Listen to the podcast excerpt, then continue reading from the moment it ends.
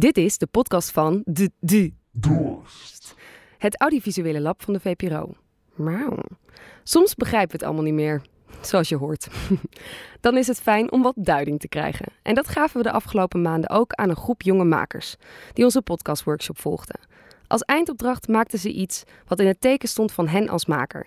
En Bert Scholte ging daarom de confrontatie aan met kunstenaar Maaike Knibbe over een van haar werken. Om te begrijpen wat ze nou in godsnaam maakt. Dit is Drijfveren. Drijfveren. De gevoelswaarde van materialen en van vormen. Ah, ik zie het al.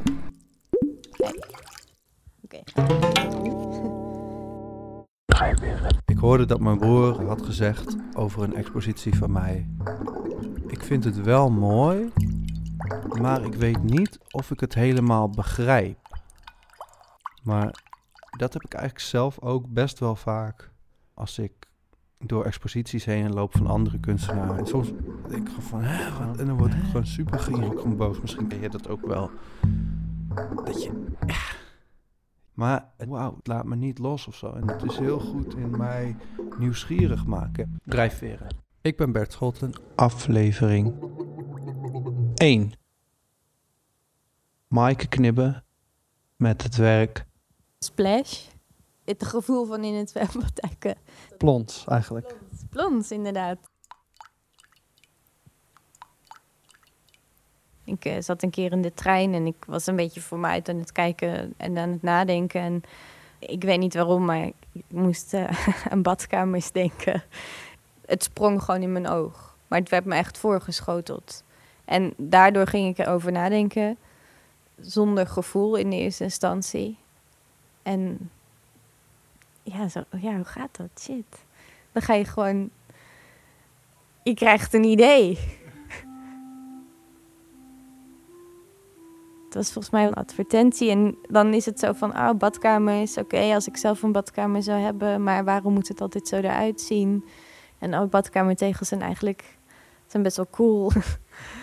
nou, en daar kunnen ook heel andere dingen mee. Ja, dat zijn goede bouwstenen voor een werk. Die zijn vierkant en dan krijg ik je goede vormen mee maken. Kun je lekker mee bouwen. Ja, zo gaat het dan. En dan krijg je gewoon een, een idee voor een vorm en een compositie.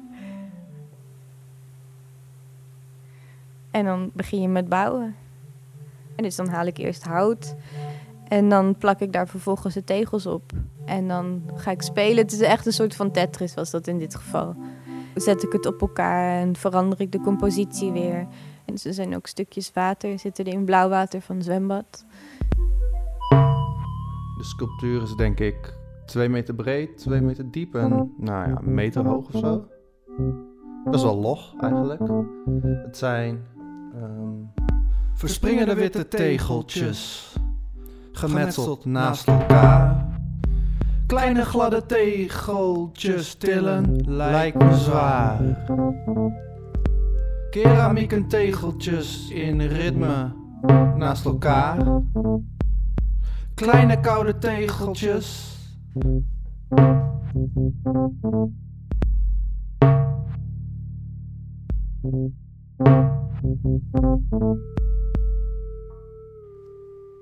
Maar ik denk vooral aan zwembad. In de sculptuur zitten kleine mini-zwembadjes. Kleine mini-zwembadjes, keramieken, tegeltjes. Maar ik denk vooral aan zwembad. Kleine, blauw. lieve, echt heel blauw. Maar waarom is het water zo blauw? Het water is Hoezo is het water eigenlijk zo blauw? Hoezo? Waarom is een zwembad, zwembad eigenlijk blauw? En waarom is het water zo altijd super mooi blauw? Nee, dat is volgens mij gewoon doordat ze er chloor of iets dergelijks doorheen doen. Niet, uh, niet, niet door een uh, blauwe vloer of zo. Uh. Ja, dat kan ook, maar volgens mij. Nee, ja, het soms wel. Was het bij jou blauw dan? Ja, mijn water was blauw. Omdat ik eigenlijk ook uh, nee, dat, nee, daarin ja, toch ergens wel naar een zwembad wou refereren. En het zwembad is een soort van ontspannen situatie. Eigenlijk het gevoel van vrije tijd dat de zwembad geeft. En het gevoel van vakantie en het gevoel van ontspanning. En dat heb ik dan gebruikt samen met die badkamertegels die ook vaak in een zwembad worden gebruikt. Zou je kunnen zeggen dat ik een soort van heel abstract zwembad heb gemaakt.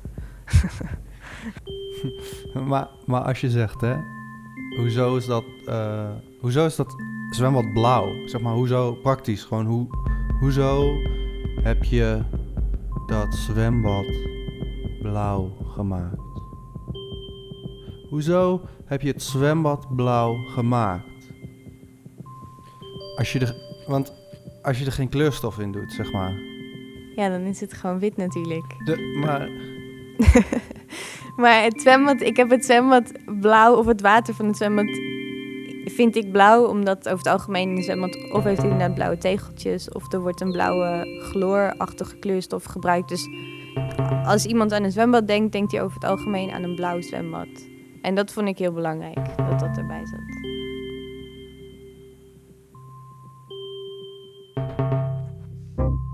Je hebt het.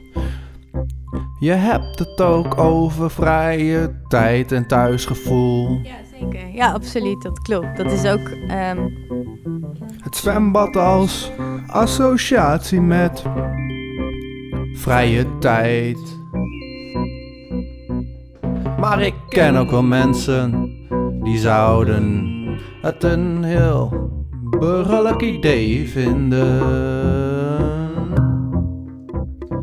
Zo van, oh ja, ik ga werken en daarna ga ik op vakantie. vakantie. Ik ga werken en daarna ga ik op vakantie. Ik ga werken en daarna ga ik op vakantie. Ik ga werken en daarna ga ik op vakantie. Ik ga werken en daarna ga ik op vakantie. Ik ga werken en daarna ga ik op vakantie.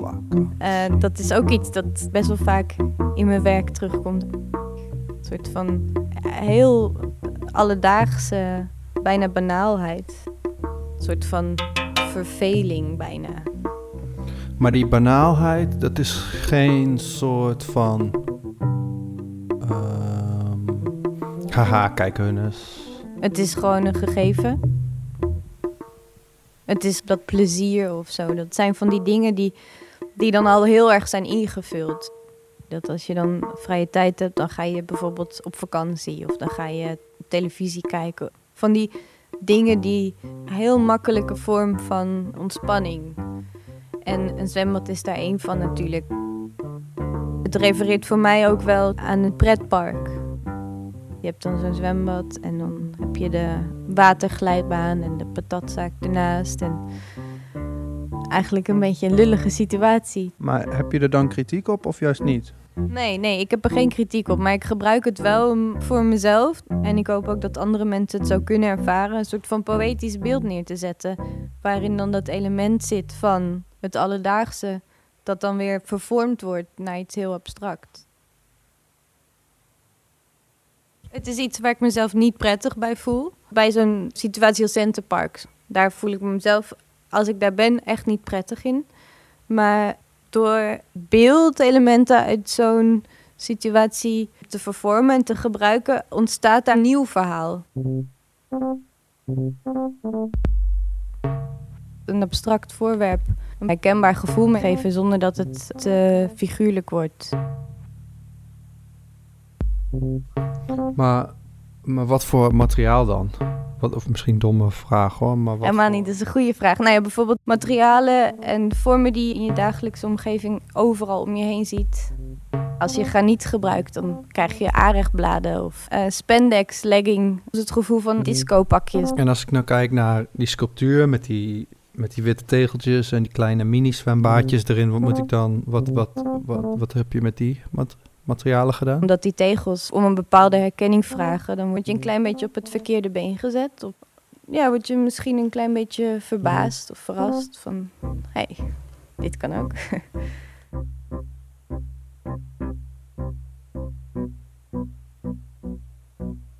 Ik zou het echt fantastisch vinden als mensen een soort van herkenning voelen, al is het maar een klein beetje. En dat ze ook uh, nieuwe mogelijkheden zien en nieuwe verbanden kunnen gaan leggen. Ook voor dingen die ze zien om zich heen.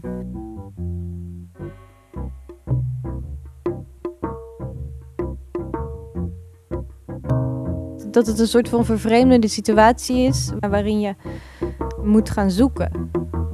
Maar dat is eigenlijk wel echt het tegenovergestelde van uh, wat zo'n park of zo'n zwembad of zo'n vakantie doet. Namelijk uh, jou een soort van totaalpakket voorschotelen. Ja. inderdaad. Je eigen verbeeldingskracht wordt in zo'n pretpark niet echt aangesproken. Terwijl ik wel heel erg probeer met mijn werk dat mensen wel kunnen gaan zoeken. Ja, word je misschien een klein beetje verbaasd of verrast van... Hey, dit kan ook. Oké, nou ik denk dat ik het snap. Denk jij nou thuis of in de trein of waar je ook bent, nou ook van, uh, hey, ik wil dit kijken of ik wil het zien, ik ben benieuwd geworden. Zoek dan even op het internet op het werk Splash van Maaike Knibbe. Dit was Drijfveren, tot de volgende keer.